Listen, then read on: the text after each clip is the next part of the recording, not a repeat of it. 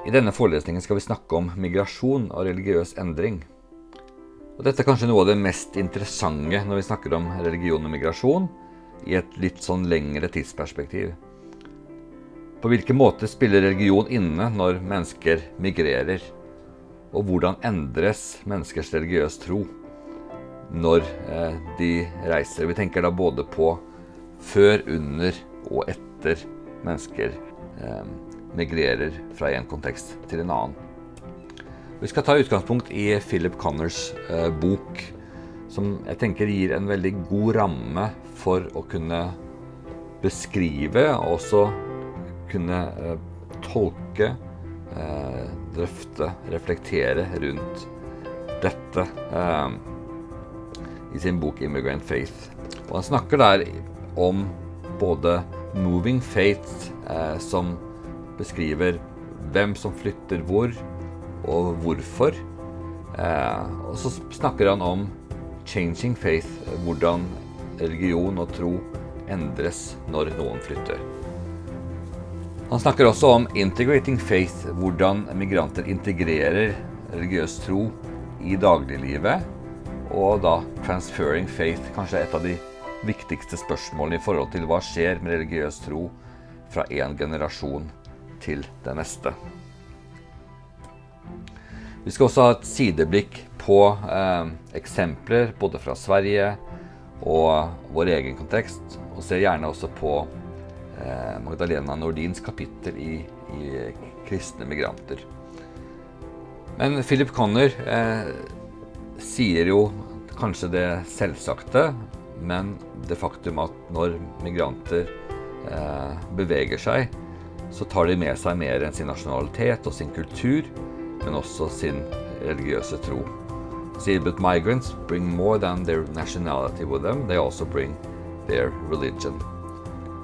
Og da I det første kapitlet, for å ta et raskt tilbakeblikk på det, så eh, er det et spørsmål om religiøse mennesker migrerer mer enn ikke-religiøse i forhold til den konteksten de står i. Og ut fra studiene som er gjort, eh, så sier jo Philip Connor at eh, religiøs tro er ikke nødvendigvis noe som, som bidrar til at mennesker migrerer mer enn de som forblir i landet, men at for mange migranter så kommer de fra kontekster der religiøs tro er viktig, og der religion står sterkt i samfunnet.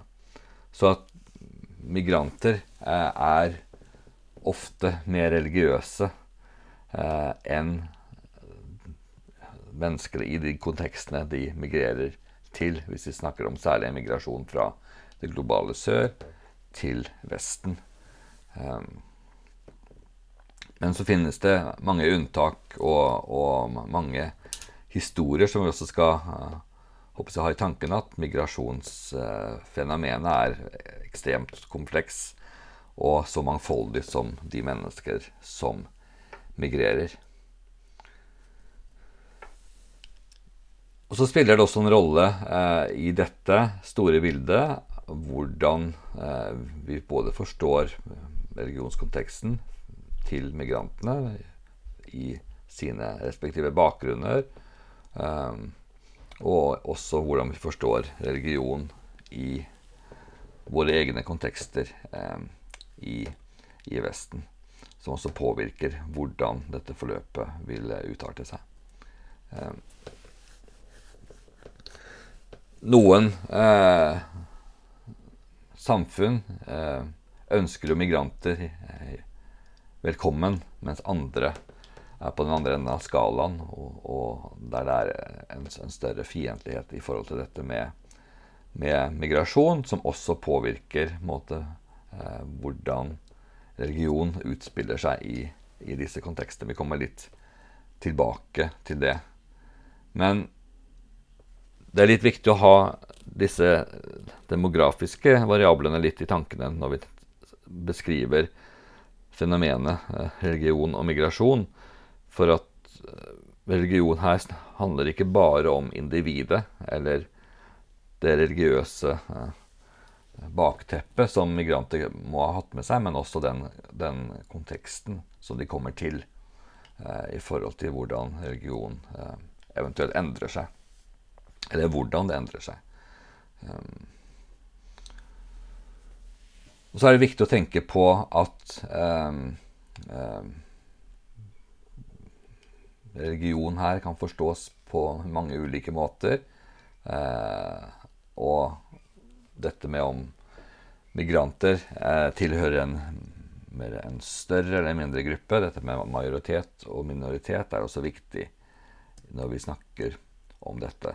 Men det er gjort studier også eh, i Norge i forhold til hvordan eh, mennesker ser på migranter, er, i hvilken grad er, er migranter ønsket velkommen eh, i landet.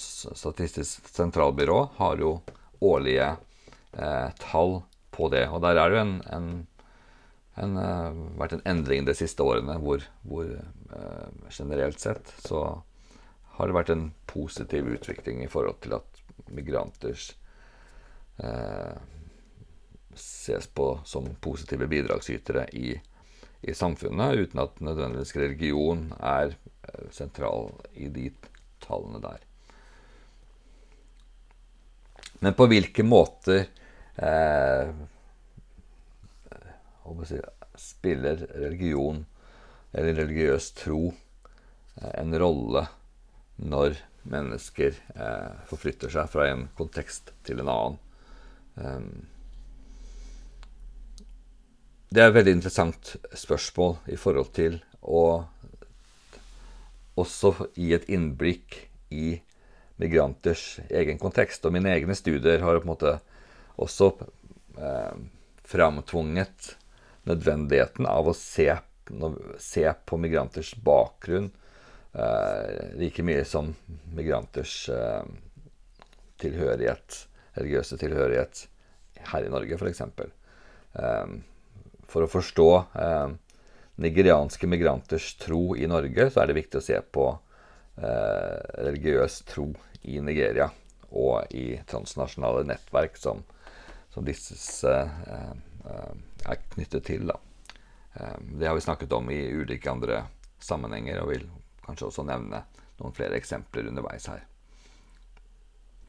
Men det faktum at mange migranter er religiøse, er, er et resultat av at mange kommer fra, fra, fra, steder, fra byer, fra land der religion spiller en vesentlig større rolle eh, enn en kan se da, i en vestlig, vestlig mer sekulær samfunnskontekst. Eh, I hvert fall på, på, mange, på, mange, måter i det offentlige rom osv. Eh, men så er det stor variasjon i forhold til hvilke grupper vi snakker om osv. Og, og en, også en forskjell fra en amerikansk kontekst som, som generelt sett eh, er mer måtte, religiøs i det, i, i det, offentlige enn en mange land i Europa.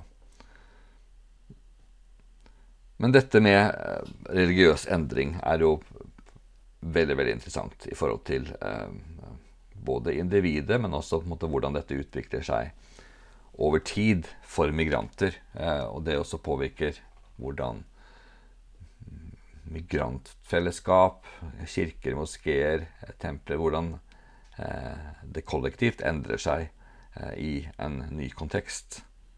Og det illustrerer eh, som generelt sett også det faktum at religiøs tro er kontekstuelt eh, forankra. Eh, en kan ikke se på migranters tro uten å se på den konteksten som, som de lever i, enten det da er underveis, eh, og da særlig vårt blikk er også på hvordan migranters tro utspiller seg i eh, den nye konteksten. Det være seg i, i, USA, et annet europeisk land, eller da særlig i Norge, som vi har også et særlig fokus på. Um, og hvordan endrer migrasjonsreisen, eller opplevelsen av å migrere, det å migrere, hvordan endrer det migranters tro? Eh, og Det er noe vi kan snakke mye om, men bare det faktum at, at noen eh, reiser, forflytter seg fra et, et, land, en kontekst, gjerne et kontinent, til et annet Det å, å migrere er måtte, har med seg veldig mange forandringer i seg selv. Det å skulle, skulle migrere til Norge, f.eks. fra et afrikansk land, eller fra, fra Filippinene, fra Vietnam eh, eller fra Syria. Det i seg selv eh, har med seg veldig mange forandringsfaktorer. Så det er viktig å ikke tenke på at, å isolere eh, religiøs tro her, men å se dette i sammenheng med eh, alt dette andre, disse andre eh, lagene av forandring som skjer. Både individuelt, men også et, en endret kontekst. En helt, eh, helt nye rammer for, for, det å leve, leve livet. Det å skulle måtte eh, justere livet sitt etter en helt, et helt ny samfunnskontekst. Bare det i seg selv. Det kan være språk, det kan være utdanningssystemet, eh, familie, verdier, eh, barneoppdragelse, eh, det å finne arbeid osv. Alt dette er jo store eh, eh, ting og, og, faktorer som, som påvirker eh, individet og familien. Også da migrantgrupper i forhold til hvordan livet leves. Og i dette så er også religion viktig, men det er én del av av andre. Så det er viktig å forstå dette kontekstuelt sammen med andre. Og f.eks. dette med økonomisk usikkerhet. Det å eh, skulle måtte forholde seg til et nytt uh, styresett. Um, følelsesmessige utfordringer i, i, forhold til det å forlate familie.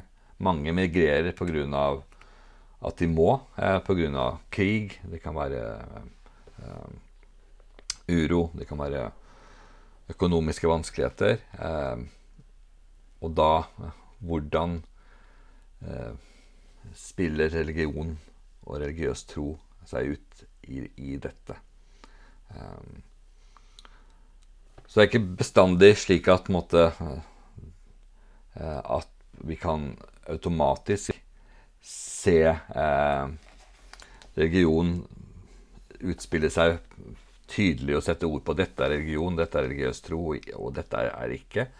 Men, men eh, religiøs tro gir oss en slags linse til å forstå, forstå også hvordan mennesker forholder seg til det nye, eh, nye livshverdagen på mange områder. Og som Philip Conner sier, at eh, for mange så kan migrasjonsreisen bety eh, stort mentalt og følelsesmessig og fysisk kaos. Eh, og i dette så kan religion spilles ut på mange ulike måter. Eh, det er ikke nødvendigvis slik at eh, migranters tro eh, vises automatisk at de finner en ny kirke eller, eller moské, men, men, men, det kan studeres på mange ulike måter i forhold til eh, ja, hvordan, vi, hvordan, vi, ser etter religion. Um, men det å se på, på religiøs deltakelse er, er, viktig i forhold til, eh, til, dette. Og det er jo, som vi har nevnt eh, tidligere, så det at vi kan studere dette fenomenet religion og migrasjon i dag, er også et, et, eh, noe som har gjort det mulig i forhold til å se på disse ulike migrantkirkene. Eh, vi har vært på besøk på noe. Vi har lest om migrantkirker, eh, moskeer, buddhisttempler, som, som, er uttrykk for noe av uttrykket for hvordan eh, migranter eh, praktiserer sin tro. Og dette å se på religiøs, deltakelse i religiøse eh, grupper er, er, gir oss en inngang til å kunne, kunne, se på hvordan også religion utøves. Ikke bare når det gjelder det vi strengt tatt kaller for, for, for religion, men også hvordan det påvirker andre eh, livsfaktorer, sånn som hvordan spiller religion inn i forhold til menneskers forhold til arbeid. Eh, familie har vi nevnt. Eh, og integrering mer generelt. Eh, så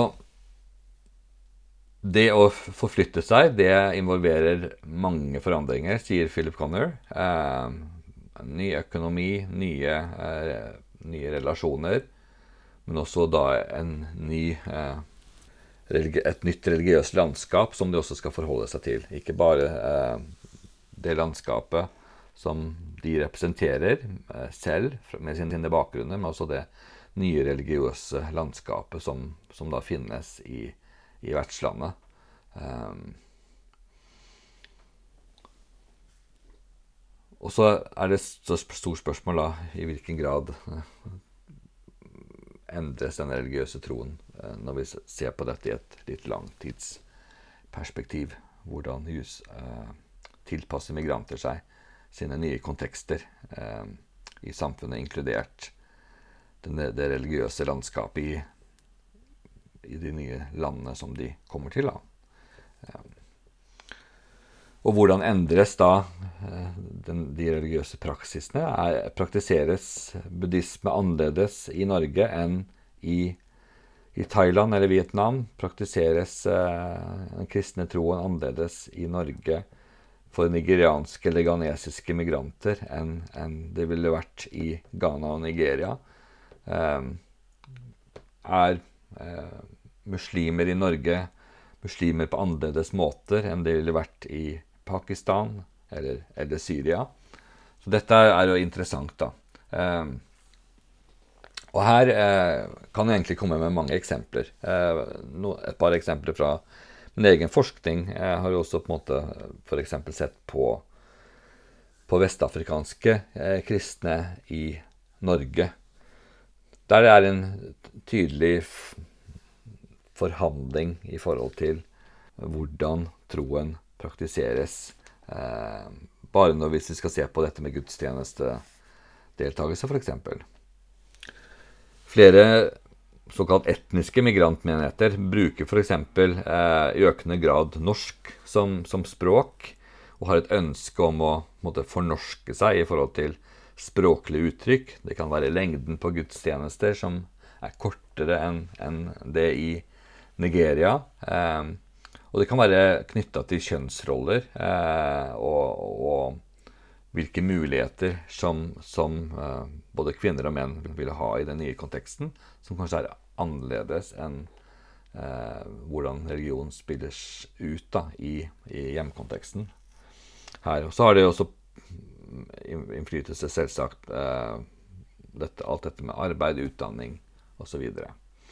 Eh, F.eks. bare et, et, et litt enkelt eksempel når det gjelder vestafrikanske kristne. Eh, bare dette med bruk av, av hatt for kvinner eh, var en observasjon som en ser lite av, i Norge, men reiser en til eh, Nigeria, så er det at kvinner bruker hatter i, og gjerne store og fargerike, i, eh, i en gudstjenestesammenheng, eh, er på en måte en, en viktig forskjell å se hvordan eh, religiøs tro forhandles bare på slike enkle, praktiske ting. Eh, og dette har jo selvsagt også eh, sammenheng med hvilken rolle eh, religion har i samfunnet.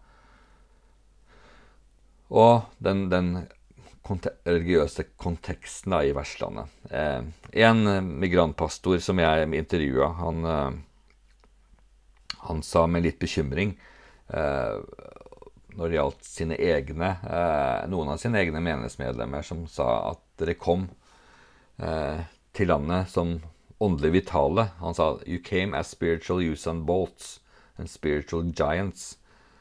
But you have become the frozen chosen. Han sier at de hadde blitt kalde som åndelig kalde som, som, eh, som, den sekulariserte nordmenn. Det var vanskelig å motivere noen til å komme til gudstjenester og opprettholde den åndelige vitaliteten som de hadde når de kom. Eh, eh, og Det er ett eksempel hvordan religion endrer seg i den sekulære eh, konteksten i møte med det mer sekulære samfunnet. Eh, på besøket i buddhisttempelet på Sola så så vi hvordan munkens rolle og plass og autoritet endrer seg i en ny kontekst. hvor en fra å være eh, ha en veldig tydelig rolle eh, og synlig rolle i, i samfunnet, eh, ikke så lett kunne ha dette på samme måte i Norge. Og, og buddhisttempler reflekterte jo også rundt dette med passive eh, kontra aktive buddhister, og det å oppmuntre, oppfordre folk til å ta del i fellesskapet. Så ser vi at religiøs tro endrer seg på ulike måter. Jeg intervjua mange filippinske eh, katolikker, eller filippinske med en katolsk bakgrunn, som, som sa i eh, hjemlandet så var de ikke særlig praktiserende. De, var, de representerte en bakgrunn, men i den nye konteksten så fikk religion og religiøs tro en ny og større betydning. Eh, og som en av mine informanter sa 'God brought me here to Europe to change me'. Eh, de opplevde en forandring og en forvandling eh, gjennom å ta del i en, migrant, en migrantkirke. Og, og gjenoppdaga betydningen av religiøs tro som en hjelp da for å eh, finne eh, mening og finne eh, ut av tilværelsen som en, en migrant. Så religiøs tro er ikke statisk, men det er, det er, noe som er dynamisk. Og det er ikke minst da tydelig når vi snakker om, om, om migranter. Um, og det også, kan også se hvordan på en måte, uh, gudstjenester og andre, andre, ting endrer seg uh, i en ny kontekst. At det blir hele tiden tilpasninger, forhandlinger, hvordan migranter utøver sin tro. For F.eks. Um, når det gjaldt businessene, så det å måtte leie idrettshaller for større arrangement og ikke ha dette i, å ha store templer nødvendigvis tilgjengelig eh, i enhver bygd og by, er jo et eksempel hvordan måtte, eh, religiøs praksis endrer seg. Eh.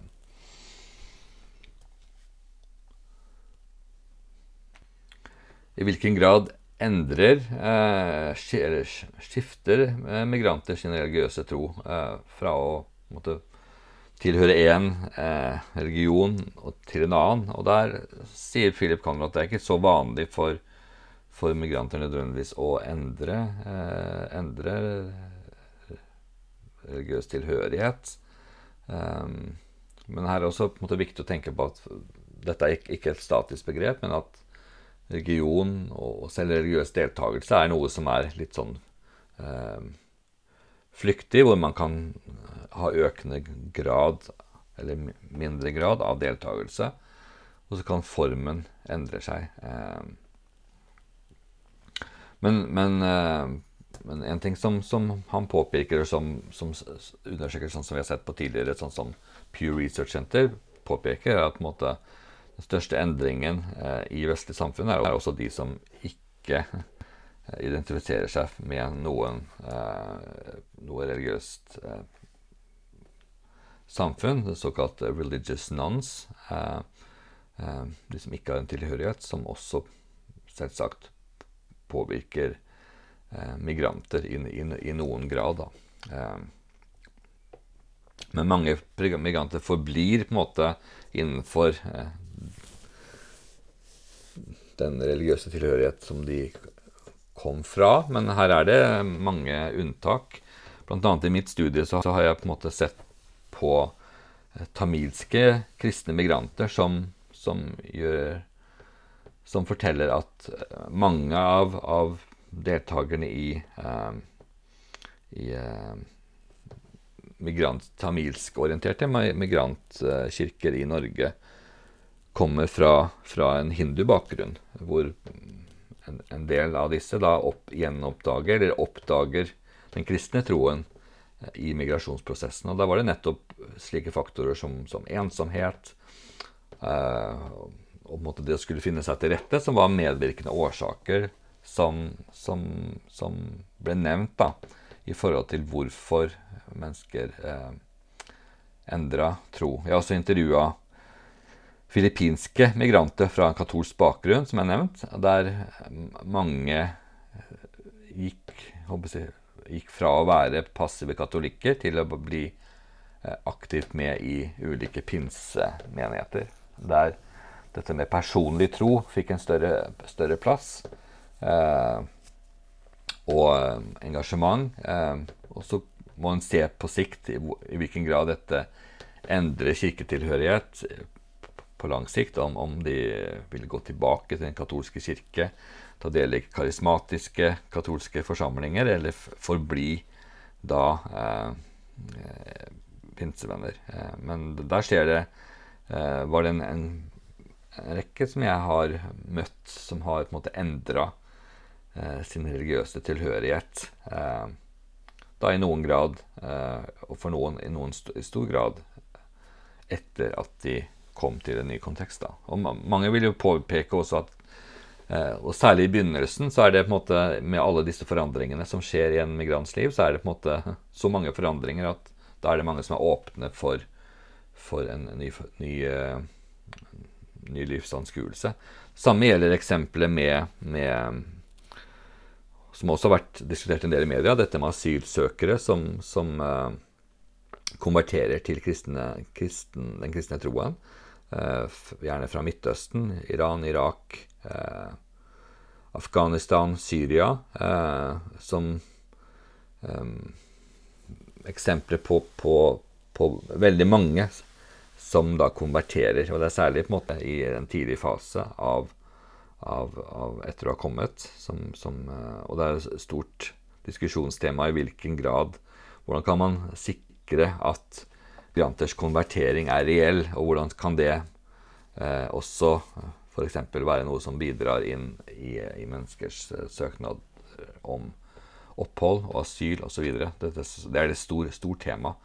Men uh, uh, her er det mange eksempler på at, at mennesker også endrer religiøs tro. jeg snakket med en tidligere muslim fra, fra, fra Iran som, som, sa det litt karakteristisk at når det gjaldt det iranske eh, Eh, den, den iranske diasporaen i Norge, så sa han litt, litt, kanskje litt humoristisk altså at det er ingen iranere som i dag er i Norge eh, som er muslimer. De er enten kristne eller så er de ateister.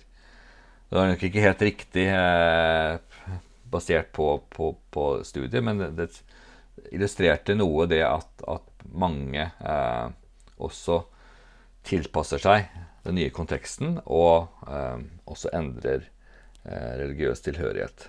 Selv om de store tallene som Philip Connor refererer til, eh, påpeker at eh, mange forblir relatert til den type religiøs tro som, de, som representerer den bakgrunnen som de også kommer fra. Da. Men det er en ting som er helt sikkert, sier Philip Connor, er jo også at karakteren på den religiøse troen, karakteren på troen, endrer seg etter at eh, vedkommende forflytter seg. Eh, så det å være kristen uh, i Norge er annerledes å være kristen i, i Nigeria eller på Filippinene. Så, og dette har jo lenger en migrant bor i, uh, i Norge, f.eks., jo, jo mer vil dette sannsynligvis endre seg. Um, så, og det er dette vi snakker om som er, er særlig interessant i et sånn langtidsperspektiv. Hvor, hvordan endres migranters tro i et langtidsperspektiv? da.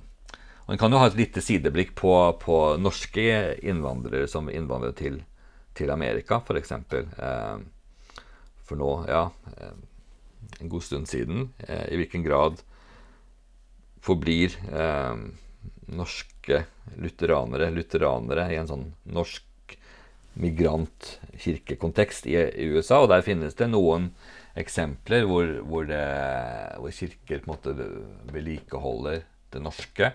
I Minnesota, i, eh, i Nord-Dakota osv. Eh, eh, men i stor grad så har jo veldig mange av norske innvandrere de forble Eller de ble integrert i det amerikanske samfunnet. Og på en måte eh, Så etter to-tre generasjoner så er det ikke så mye tydelig eh, norsk igjen i mange, mange av disse kontekstene. da. Eh, så er det, er det unntak. Så hvordan eh, migrantgrupper også da endrer seg, endrer karakter, det avhenger også av på en måte Vi kan ikke snakke om migranter her som en stort samlebetegnelse, men det snakkes om, om dette mangfoldet som, som uh, finnes. Så um,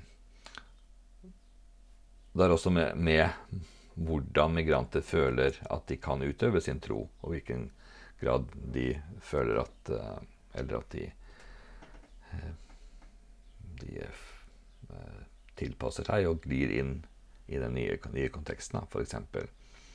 her i Norge. Men noen av de intervjua eh, eh, av de filippinske intervjua jeg spurte, og i andre sammenhenger så spurte jeg bl.a.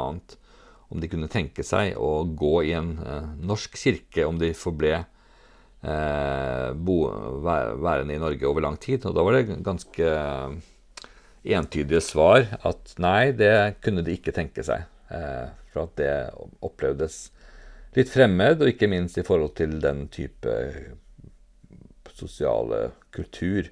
Eh, og mange opplevde at det var vanskelig å få kontakt med, med nordmenn osv. Som gjorde at måte, en filippinsk orientert forsamling var mye mer attraktivt også i et langtidsperspektiv eh, i forhold til eh, det å skulle se for seg å være i en norsk eh, kirke. Og det gjaldt også da for andre eh, afrikanske kristne som jeg også intervjua, som sa sa det samme. At eh, den, de norske kirkelige kontekstene opplevdes nokså fremmed eh, og begrensede i forhold til hvordan troen kunne leves ut. Eh, så her er det på en måte eh, mange faktorer som spiller inn. Både på en måte, migrantenes egen kontekst, men også på en måte den mottakskonteksten både den samfunnskonteksten som, som, som, man, som en må forholde seg til. Det kan f.eks. gjelde sekularisering, eh, sekulære samfunnet, eh, hvordan samfunnet er organisert, tidsklemma osv., eh, men også den religiøse konteksten. Eh, hvordan da eksempelvis norske kirker klarer å ta imot migranter, må, betyr det at eh, migrantene må måte, assimileres, inn. De må bli som oss. Eller er det rom for mangfold eh, også i ikke bare tilhørighet, men også i utøvelse? Og det er spørsmål som, som kirker eh, diskuterer, da. Eh, men Philip Conner sier jo det som jeg tror er riktig i forhold til å si at, at uh, at troen gjerne kan eh, forflytte seg over hele, eh, hele, hele, hele verden. kan, kan, den, vil, den, vil, være med. Men, men, troen vil aldri være helt den samme når den forflyttes. Det vil være en endring. Det, det vil endre karakter i lys av den nye konteksten, i lys av virkeligheten, og hvordan dette leves ut. da. Og så er på, måte, på, på lik linje med andre, andre, livsfaktorer, så er på en måte religion og religiøs tro en, en del av, av, dette bildet, som, som, også på en måte er integrert i det hele. Så spørsmålet her er det hvordan migranter eh, Og det er noe som Philip Conner snakker om i, i, sitt tredje kapittel, 'Integrating Faith', i forhold til hvordan migranter integrerer troen i hverdag, hverdagen. Og her tenker jeg at som vi også har vært inne på, det er et sånt såkalt lived religion, eller hverdagsreligionsperspektiv, er veldig nyttig når vi snakker om dette. Ikke bare å se på offisielle eh, former for religion, hva som kirkesamfunnstilhørighet osv., eh, men også se da på hvordan leves eh, religiøs tro ut i praksis i hverdagen. Eh, av den enkelte i familien, på arbeidsplassen um, og i livsanskuelsen for øvrig. Um, I tillegg selvsagt hvordan det leves ut i, i um, et religiøst fellesskap. Uh, at du heller skal sette disse opp mot hverandre. For, uh, for mange så betyr uh, migrantfellesskap også en hverdagskontekst hvor troen leves ut. Det er ikke bare snakk om for kristne kun søndagsgudstjenesten, men, men, religion er noe som Og religiøs tro er noe som leves ut uh, gjennom hele uka, og din, gjennom de nettverkene som finnes. Um,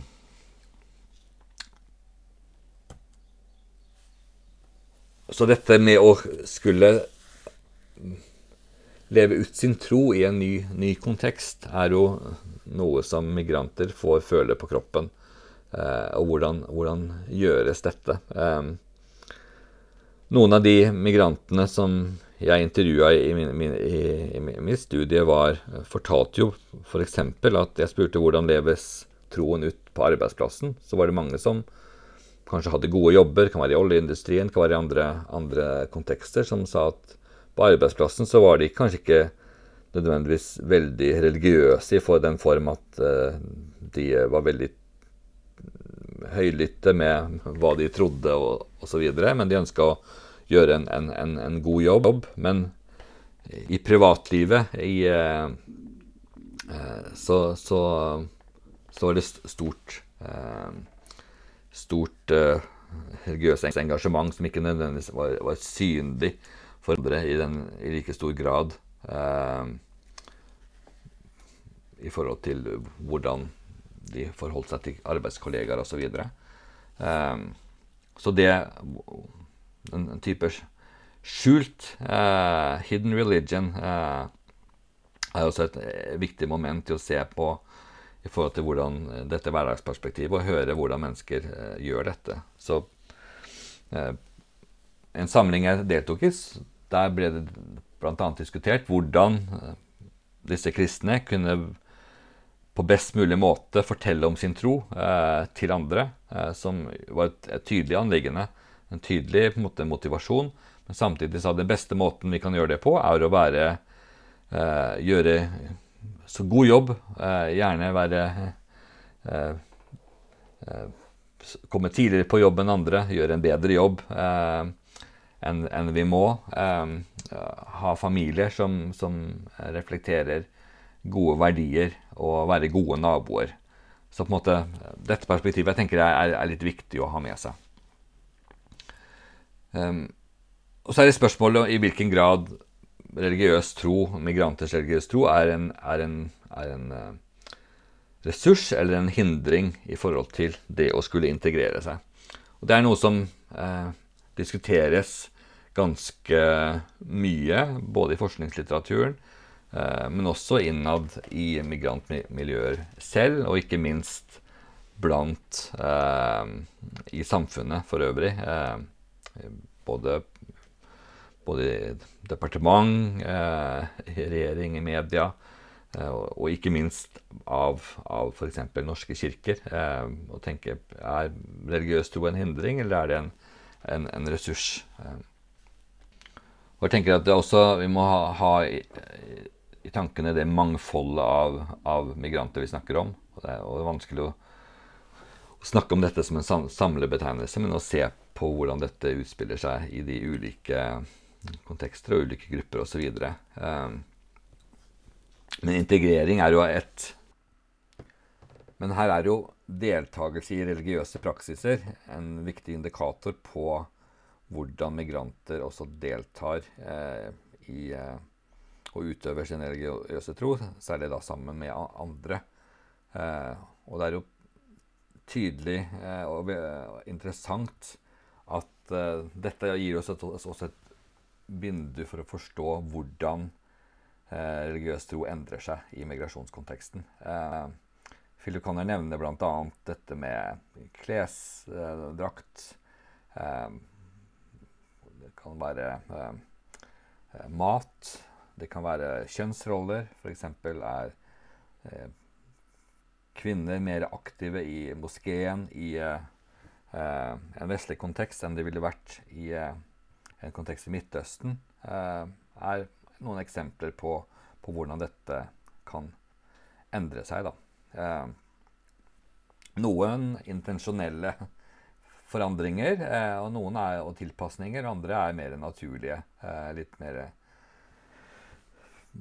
at man lever annerledes, og at dette blir mer naturlige følger, følger for hvordan uh, troen leves ut da, i de uh, nye kontekstene. Um, men det, dette er interessante måte, vinduer inn i miljøer. Så um, det å, å, å, se på uh, hvordan disse forhandlingene skjer, i forhold til hva som er viktig, hva som vektlegges, er, er, viktig for å forstå hvordan religion end, endrer seg. Da. og her har du dette har også sammenheng selvfølgelig med den konteksten som, som ja, den nye konteksten, eh, migrasjonskonteksten. Eh, F.eks. Eh, så trekker Connor fram jeg, forskjellen mellom Europa og, og, og USA, som, som, jo er i svært grove trekk, men samtidig det at USA er et gjennomsnittlig mer religiøst samfunn, at det å tilhøre eh, å være aktiv eh, i, i, i, forhold til eh, sin religiøse tro er sett på mer positivt da, enn kanskje an, noen andre kontekster, f.eks. I, i Europa. Og det, dette kan også være med på å påvirke hvordan eh, migranter tilpasser sin tro, hvor mye de ønsker å på en måte vise dette, eller, eller, eller ikke. Så det er på en måte viser oss at det er viktig å se på på disse ulike kontekstene, hvordan de, de, møt, de møtes. Eh, det at religion er viktig f.eks. For, for mange amerikanere, eh, også det offentlige liv, eh, og den offentlige sfæren, er da en indikator på at det, er, eh, det blir sett på som positivt at migranter også på en måte er tydelige på sitt, sin religiøse ståsted. Eh, og her har jo Pew Research Center noen referanser at på en måte nesten uansett religiøst ståsted, så er det positivt å være religiøs. Eh, mens i en europeisk sammenheng så kan dette med religion være mer en barriere, mer en, eh, en negativ faktor. Eh, det var jo referert eh, til i mediene et studie eller en undersøkelse for ikke så veldig lenge siden at, at religiøs tilhørighet i Norge kunne ha en negativ konsekvens på jobbmarkedet, f.eks. Og hvis du kobler det til eh, utfordringer i forhold til å ha et utenlandsk navn eh, og, og, ha en utenlandsk bakgrunn. At dette, da religion har en, en direkte eller indirekte årsak i forhold til eh, jobbmuligheter, så er det ikke rart å tenke om, om, da religion vil bli eh, lagt mindre vekt på eh, i en europeisk kontekst da, i, i, den, i den, sammenhengen. Eh, så det, dette er interessante perspektiver som, som også kan gå litt mer i dybden på. Som, eh, så dette gjelder da hvordan, i hvilken grad migranter integreres i det nye sam, i samfunnet. Både når det gjelder det sosiale liv, arbeidsmarkedet, skole, og også når det gjelder på en måte, det individet i forhold til den, psyk psykologien i dette her. Um, og det spørsmål som Connor stiller, er veldig interessant. Spørsmålet er i hvilken grad religiøs tro hjelper migranter eh, med, med, mental helse, og måte, det å skulle eh, at, at, religion blir en ressurs inn i å eh, ja, tilpasse seg den nye, den nye konteksten. Eh, og her er på en måte resultatet ganske eh, relativt entydig at, at religiøs tro har en positiv innvirkning på, på, på mange migranter. Og her gjøres også studier i, i Norge som er interessante, interessante eh, på dette. Eh, og jeg tenker at eh, eh det er interessant i forhold til å se på hvordan religiøs tro blir en slags eh, mestringsmekanisme i møte med, med, det nye. Og det er også i mitt, mitt, mine studier eh, så fant jeg eh, blant kristne migranter eh, at mange eh, av mine informanter faktisk sa at religiøs tro hadde en viktig betydning både i det å fortolke den nye virkeligheten, at her var det en høyere mening. Eh, en filippinsk eh, informant sa 'God sent me here to change me'. Eh, og for, fortalte om hvordan religion hadde endra hennes eh, forhold både til, til, jobb, til sitt eget liv, til, til eh, si, meningen med, med hvor, hvorfor hun var eh, emigrant osv., som hadde eh, vært en tydelig eh, støttefaktor både personlig, men også i forhold til det nettverket som da eh, migrantkirka representerte for henne. Um, så det tenker jeg er veldig viktig, at det å migrere er en stor emosjonell påkjenning. Eh, på veldig mange måter, eh, som kanskje bare migranter selv kan ut, utdype. Men, men, det viser seg, i hvert fall eh, studiene som, som Kanor viser til, er at måtte, dette i stor grad oppleves som en støtte. Men så er det da møtet med vertssamfunnet som igjen kan gjøre dette mer utfordrende og, og vanskelig dersom man ikke føler man kan leve ut sin tro. Det møtte jeg også i mine studier, f.eks. at, at um, en, en del av mine informanter sa at det var ikke like lett å praktisere troen eh, slik de egentlig ville i en norsk kirkekontekst, f.eks. For, at de følte at det ble lagt bånd på de som ikke helt korresponderte med hvordan de egentlig ønsket å ut, utøve sin tro, og derfor heller følte seg hjemme i en migrantkirkekontekst enn i en norsk kirkekontekst. Og det samme gjaldt måte, hvordan eh, være religiøs på arbeidsplassen osv.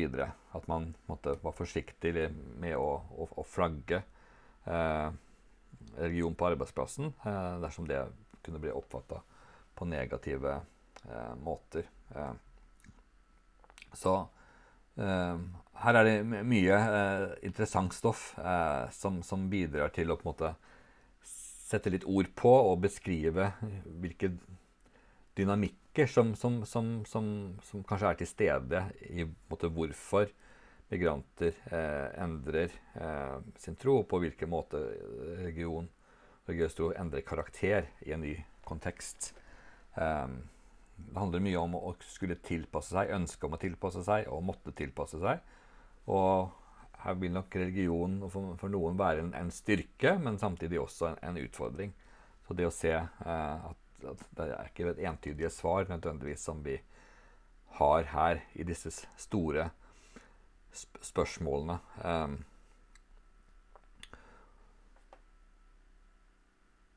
men kan du nevne f.eks. at, at, at uh, studier bl.a. fra Australia eh, viser at, uh, at antall depresjoner, eller på en måte disse, andelen av de som får depresjoner, er mindre hos, enn hos de som går eh, regelmessig til eh, gudstjenester og annet, mens eh, de som ikke gjør dette, hadde ja, en større andel som, som ga utslag i forhold til depresjon. Men så må vi også tenke at dette er det sammensatte historier, individer osv. Så, så det kan være mange andre årsaker. Så vi skal være på forsiktige og trekke altfor raske slutninger. Men jeg kan spørre i hvilken grad Eh, og det har vi litt vært innpå, i hvilken grad religion bidrar til eh, å hjelpe eh, migranter i forhold til eh, økonomisk integrasjon. Eh, og f.eks. både utdanning og, og, arbeid. Og her har jo nevnt at måte, her kan det også være flere faktorer. På, på en måte, så I mine studier så fant jeg at veldig mange migrantkirker bl.a.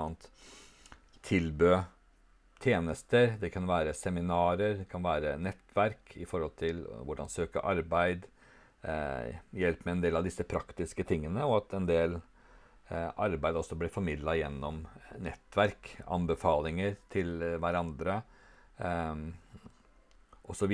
At den sosiale kapitalen som de hadde opparbeida seg, de som hadde vært kanskje lenger i landet, eh, og som organisasjoner, og så kom de nyankomne til gode, og at det var et sånn støttenettverk i forhold til dette. Samtidig som eh, dette ikke var på en måte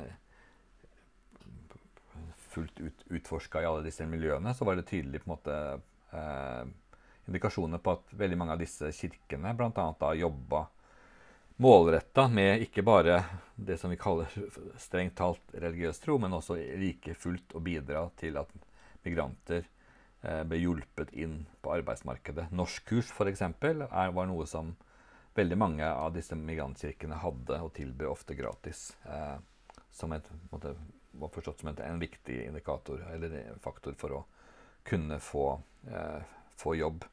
Men bare det at uh, uh, man har et annet utenlandsk navn, uh, kommer fra en annen bakgrunn, ikke kjenner, kanskje har utdanning eller ikke utdanning, er også faktorer som, som er, er, med på å bestemme hvilken grad man kan lykkes på arbeidsmarkedet. Så her er ikke religion en sånn entydig faktor, men det er én blant flere faktorer som, som gjør dette, ja, som, som, illustrerer dette.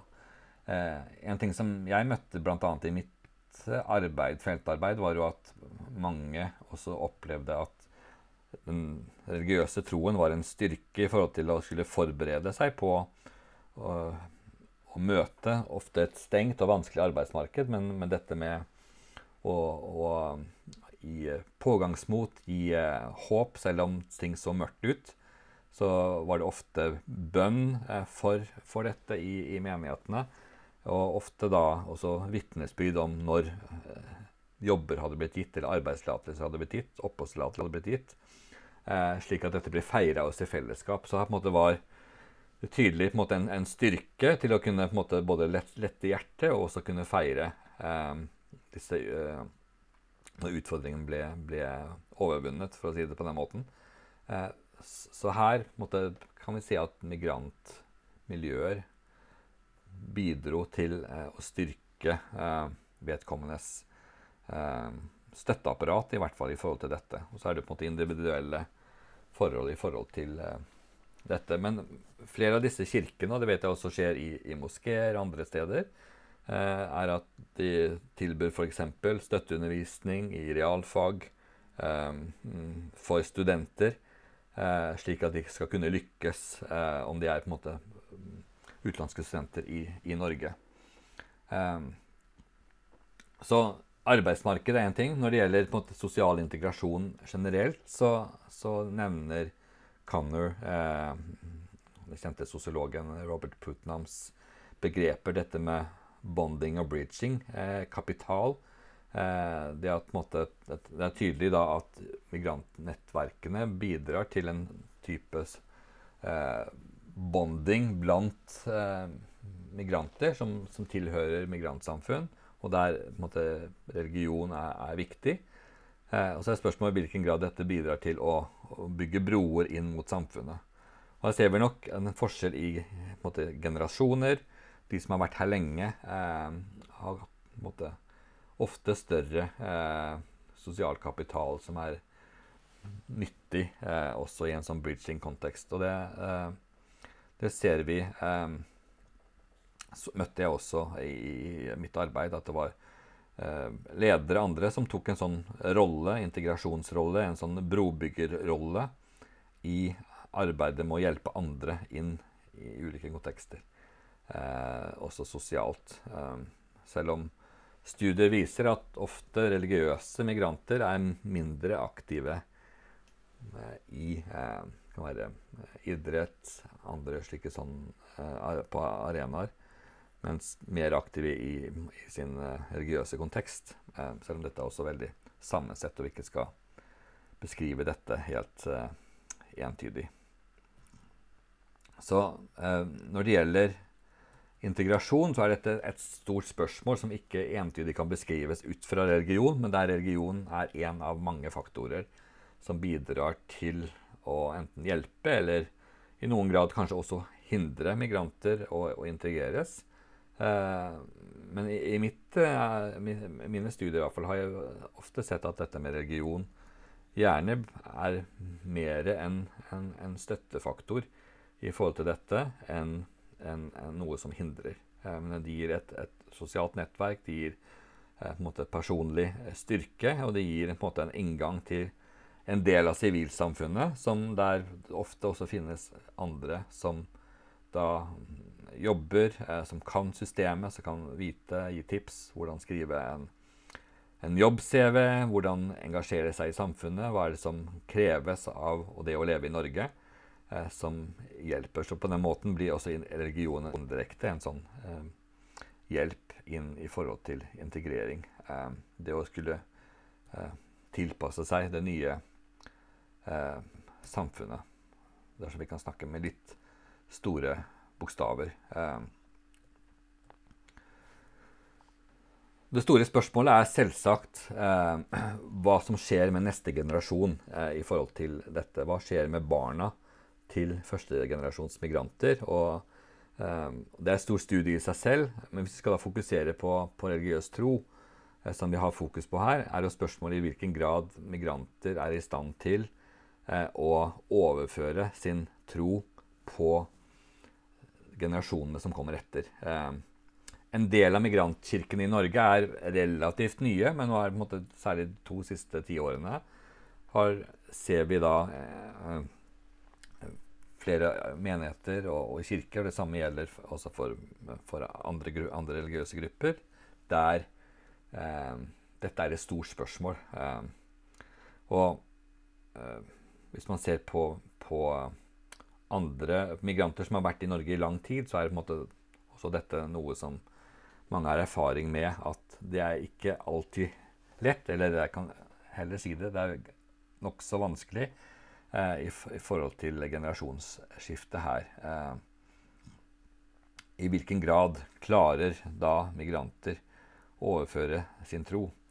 Eh, og her er det også mange faktorer som spiller inn. Eh, barn som vokser opp eh, i Norge, selv av migrantforeldre, vil jo vokse opp i stor grad i en norsk kontekst, norsk skolekontekst. Uh, og ikke kjenne like godt til den religiøse konteksten nødvendigvis. Eh, og her er det mange, mange, ting som handler om kultur, det handler om språk, det handler om uh, uh, nettverk osv. Så, videre. så Men jo, i mitt studie så var det jo tydelig at dette var et viktig spørsmål der det å skulle overføre eh, troen til neste generasjon var, var viktig, eh, men også en utfordrende eh, ting. Eh, noen få eksempler på hvordan dette ble gjort, var jo at en del av, av kirkene som brukte språk, særlig ikke engelsk språk, språk det kan være vietnamesisk, tamilsk, eh, chin fra Myanmar, Burma eh, vurderte, og noen begynte å bruke nasjon kombinasjon med engelsk eller norsk på gudstjenestene, eller noen av gudstjenestene, for å skulle på en måte inkludere ungdom. Andre hadde med, med kultur å gjøre. Endret eh, gudstjenesteform. Eh, og, jobbet på en måte målretta med å skulle tilpasse eh, troen eller trosuttrykkene til neste generasjon. Eh, og, og, det er ikke like lett for, for andre. Eh, eh, og det er gjort noen få studier i Norge som, som, som, viser at her er det tydeligvis eh, en tydelig generasjonskløfter. Eh, men som, som, viser at det er ikke nødvendigvis at, slik at barn av migranter, førstegenerasjons religiøse migranter, ikke Eh, blir, forblir religiøse. Eh, studier viser at, at, mange forblir religiøse, eh, men ikke på samme måte som foreldregenerasjon.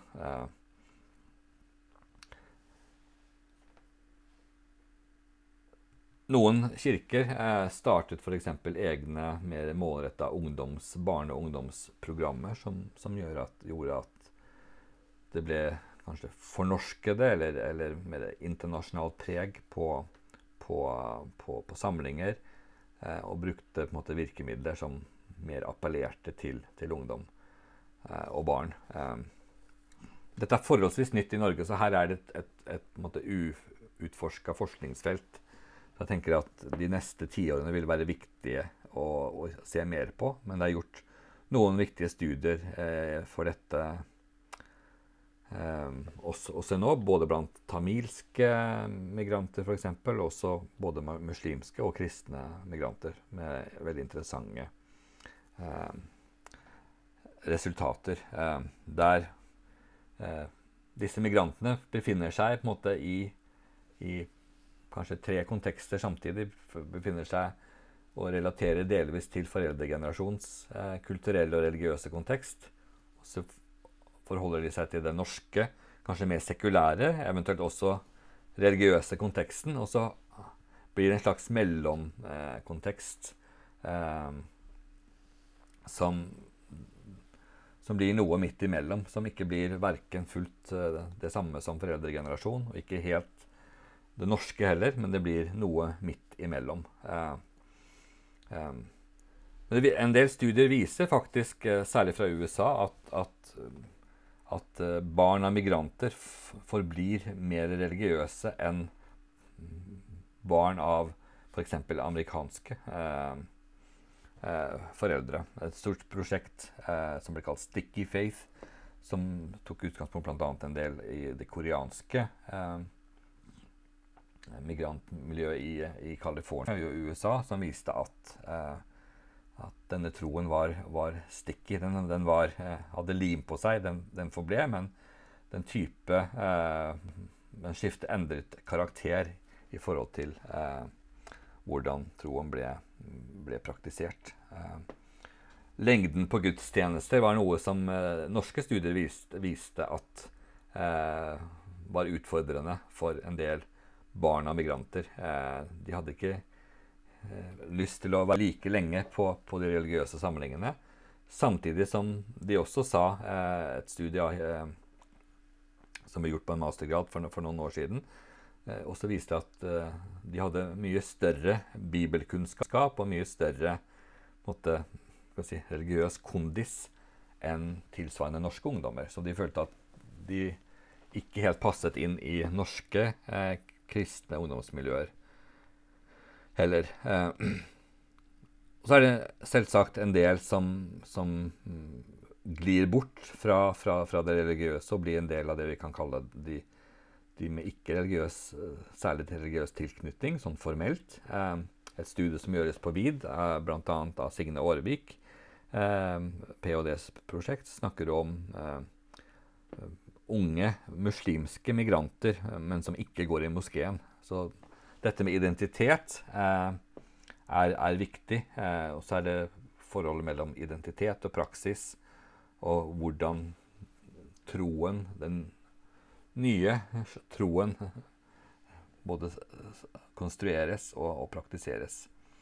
Så snakker vi om at en del kan jo ha en religiøs identitet, men samtidig ikke praktiserer eh, troen på samme, samme måte. Um, så dette er et, stort spørsmål som ikke minst migrantkirker og, og moskeer stiller seg. Hvis man følger eh, noen ledende muslimske miljøer i, eh, i Norge og ser på kampanjer bl.a. på nett eh, med, med, videoer som, som publiseres i sos sosiale medier, så er det tydeligvis en, en, en bekymring for at, at, neste generasjon skal gli inn i det sekulariserte samfunnet. Og en, en del av tilsvarende bekymringer finner vi også blant eh, kristne migranter, f.eks. Eh, så dette har også med eh, utdanning å gjøre, arbeid eh, og andre forhold da, som, som, er med og påvirker eh, dette. Hvis man vokser opp i en norsk kontekst, så på en måte er, forblir man ofte svært norsk i, i, i, måten å leve på, selv om da eh, det viser seg at, at mange migranter eh, holder på sin religiøse til, tilknytning men praktiserer da troen på litt andre, andre måter. Vi ser jo en del er, er svært aktive og så tar, tar, grep. Og mange tenker at særlig neste generasjons migranter blir viktige brobyggere som vil ha mye av denne bridging capital, en brobyggende kapital som eh, inn mot både eh, sine migrantmiljøer, men også inn mot den norske konteksten. Eh, og dette er da særlig interessant i forhold til, til eh, til migrasjon eh, og religion i et større perspektiv. Da. Så det å eh, se på religion og migrasjon i forhold til hvordan dette endres, tenker jeg er veldig interessant. Ikke minst i et sånn integreringsperspektiv. Både når det gjelder individ, men også når det gjelder eh, religiøse eh, eh, miljøer, sånn som kirker, moskeer, templer osv. Og, og som for å oppsummere litt, så dette gjelder jo både å ha en viktigheten av forståelse av, av hjemmekonteksten, den religiøse konteksten som migranter kommer fra. Eh, det å være kristen i Nigeria, hva betyr det for å være kristen i Norge, eller for å være muslim i Syria. Hva betyr det for å være, eh, for å være eh, muslim i, i Norge? Eh, buddhist i Thailand eller Vietnam kontra det å være buddhist i Norge er på en måte gir noen spenningsfelt og noen dynamikker. Og det å se dette fra et sånt transnasjonalt perspektiv er, er viktig å se også hvordan dette endrer seg over tid og over disse ulike kontekstene.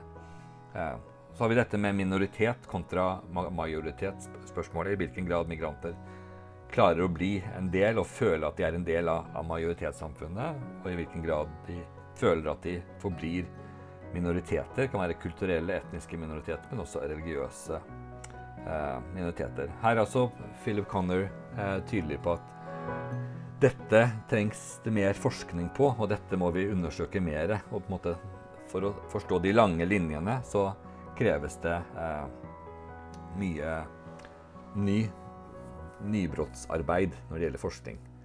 Eh, så det blir spennende å følge det i årene som kommer. Da skal vi bare si takk for eh, denne gangen i forhold til denne leksjonen. Takk.